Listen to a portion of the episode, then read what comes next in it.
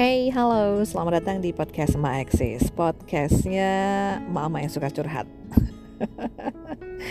Kita bikin tagline aja yuk guys. Aduh, pakai guys. Aduh, apa kabar? Masya Allah, udah lama banget ya. Uh, Terakhir di chat Tata 2021 loh bikin konten. Oh, no, no, no, no, ke mana aja? Gitulah, seorang Ina tuh gampang bosenan gitu coba ini coba itu. Sempet tiktokan juga loh. Eh, bikin konten finger dance followernya puluhan ribu dua puluh ribuan lah. Belum banyak banget juga sebenarnya. Tapi ujung-ujungnya pengen podcastan lagi gitu. Hmm, karena eh, pernah kan ya ngebahas kalau podcast itu tempat ternyaman gitu. Eh, hey, yang belum kenal nama aku Ina, uh, Ina Istantina gitu ya. Cuma sekarang lagi nge-branding diri jadi Ina Purnomo Why? Karena Purnomo itu nama bapak gitu dan ada mama, ada masa-masa di mana sekalipun dulu kayaknya nggak begitu deket sama bapak karena juga cuma punya waktu 13 tahun untuk mengenal bapak kemudian bapak nggak ada papa yang kalau kami manggilnya papa gitu ya um, sosok bapak buat aku tuh sangat uh, sosok papa buat aku tuh sangat-sangat sekalipun kita tuh nggak pernah begitu deket-deket banget gitu jadi kita hari ini kita akan bahas tentang ayah gitu ya, karena ngebahas tentang sosok uh, bapak gitu. Karena setiap orang pasti punya cerita masing-masing dengan figur seorang ayah gitu. Begitupun aku gitu. Dulu aku tuh mengenal bapak tuh, mengenal papa tuh sebagai seseorang yang serius gitu. Serius tapi santai, sersan. C. Anak 90 tahun, 90-an, 80-an pasti tahu lah istilah sersan jadi seriusnya gimana? Bapak tuh serius banget ketika kerja gitu ya. Maksudnya menghadapi hal-hal dealing with his works, dia tuh pasti akan menjadi sesuatu yang tegas. Bagi sebagian orang mungkin kelihatan ngeri gitu ya. Aku tuh inget banget ketika ada orang datang ke rumah. Waktu itu kan kita punya rumah dinasnya di Kedung Jati di salah satu desa di Gerobokan Jawa Tengah. Itu bapak tuh marah banget gitu ke orang itu sampai gebrak meja. Jadi setegas itulah bapak tuh gitu kalau misalnya nggak nggak suka dengan hal-hal yang tidak sesuai dengan pakemnya gitu. Bapak tuh orangnya sesuai dengan, dengan pakem banget deh nggak mau melenceng sedikit pun gitu sampai kemudian pernah juga aku nemuin bapak itu sebagai seseorang yang uh, warm gitu ya hangat banget gitu ke anak gitu.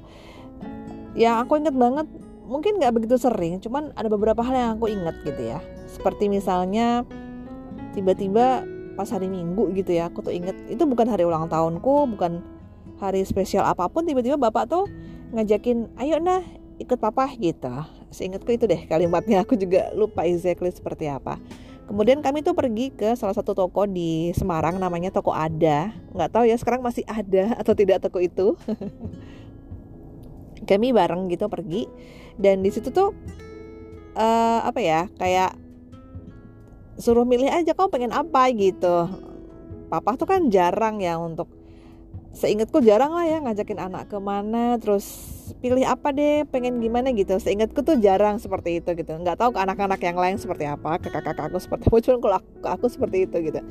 Jadi bagi aku waktu itu sangat monumental banget gitu sampai papa mengizinkan aku untuk memilih barang yang aku mau. Dan akhirnya aku memilih boneka Doraemon yang warnanya biru itu. Iya boneka itu cukup lama sih eh, aku punya gitu aku lupa. Itu kan beli sekitar SD ya. Jadi mungkin sampai papa nggak ada pun aku lulus SMP SMA kayaknya masih ada deh. Kayaknya masih di Jogja deh aku lupa. Atau udah dibagi-bagiin ke siapa gitu sekarang. Tapi itu salah satu momen terindah aku yang aku inget bareng papa gitu.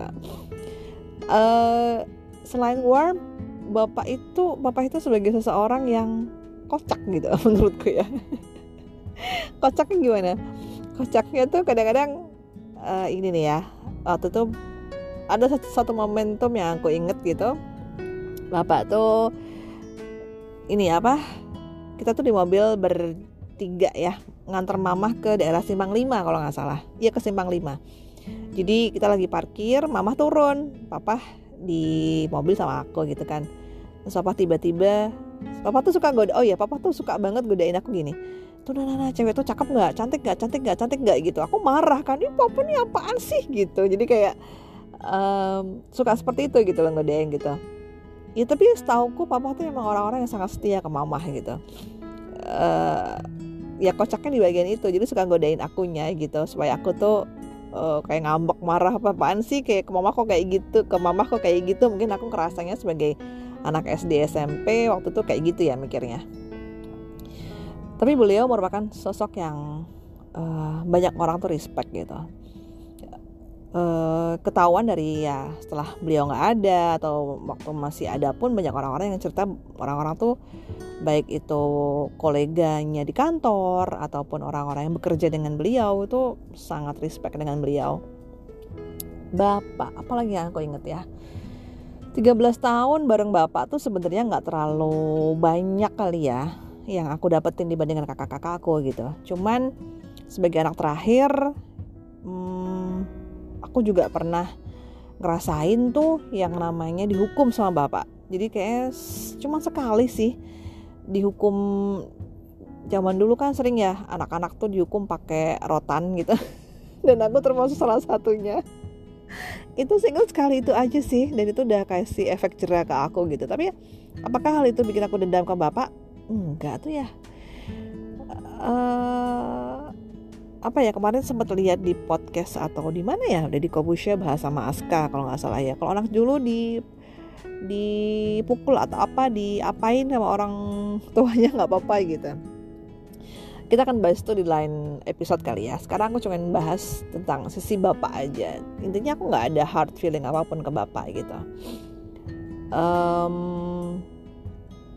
apalagi sosok bapak yang buat aku yang bikin terkenang banget adalah ketika bapak itu bapak tuh kan sering ya nulis di diary gitu di buku agenda buku agenda. Jadi ada agenda tahun uh, agenda tahun 83 agenda tahun 84 dan seterusnya bapak tuh punya.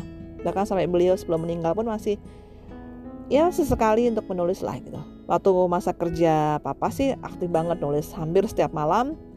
Kalau aku bangun tidur tuh ya jam 2 jam 3 pagi mau ke kamar mandi pasti ketemu papa lagi nulis di meja kerjanya gitu di sudut ruangan di kota Semarang waktu itu.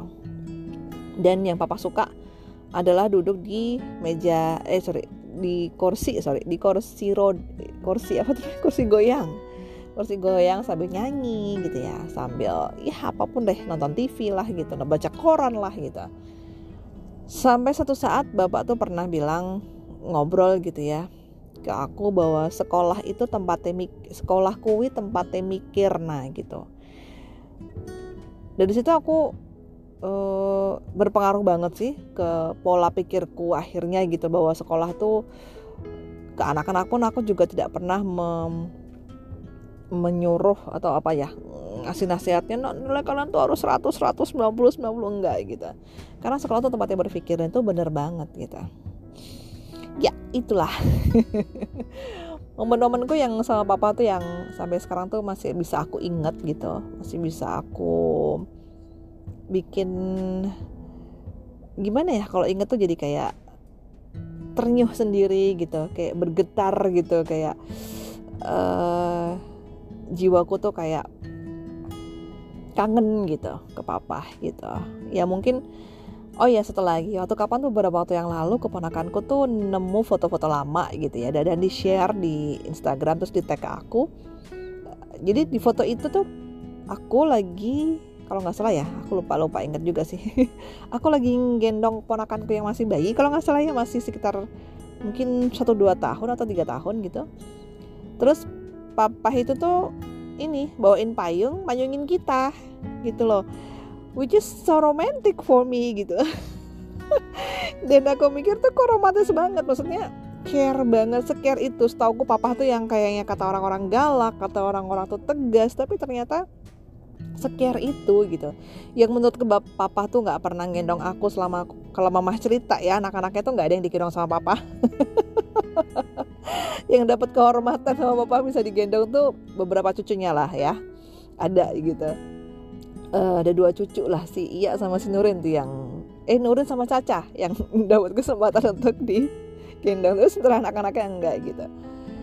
Tapi momen itu tuh bener-bener membekas banget apa ya bukan karena aku nggak inget memori itu ya cuman karena ada foto di situ dan aku lupa tuh kejadiannya di mana gitu tapi itu kayak berkesan banget gitu loh. Oh he is so sweet gitu.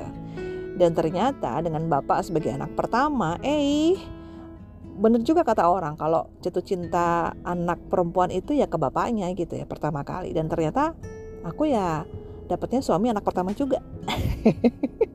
Yang kadang-kadang tegas juga yang kadang-kadang ya. Kurang lebih sifat itu nggak nggak jauh beda sama papa ternyata. Hmm. okay. kalau kamu punya nggak hmm, kenangan-kenangan tertentu tentang sosok bapak gitu? Uh, kalau misalnya bapak kalian masih ada aduh jaga baik-baik deh ya. Kalau misalnya kalian beda kota di telepon kalau sama-sama di kota yang sama datengin gitu. Karena bapak tuh sesibuk apa pun mereka mereka tuh sayang kok sebenarnya sama anak-anaknya ya tuh kan. Jangan nangis jangan nangis. Sampai ketemu di episode berikutnya. Bye. Terima kasih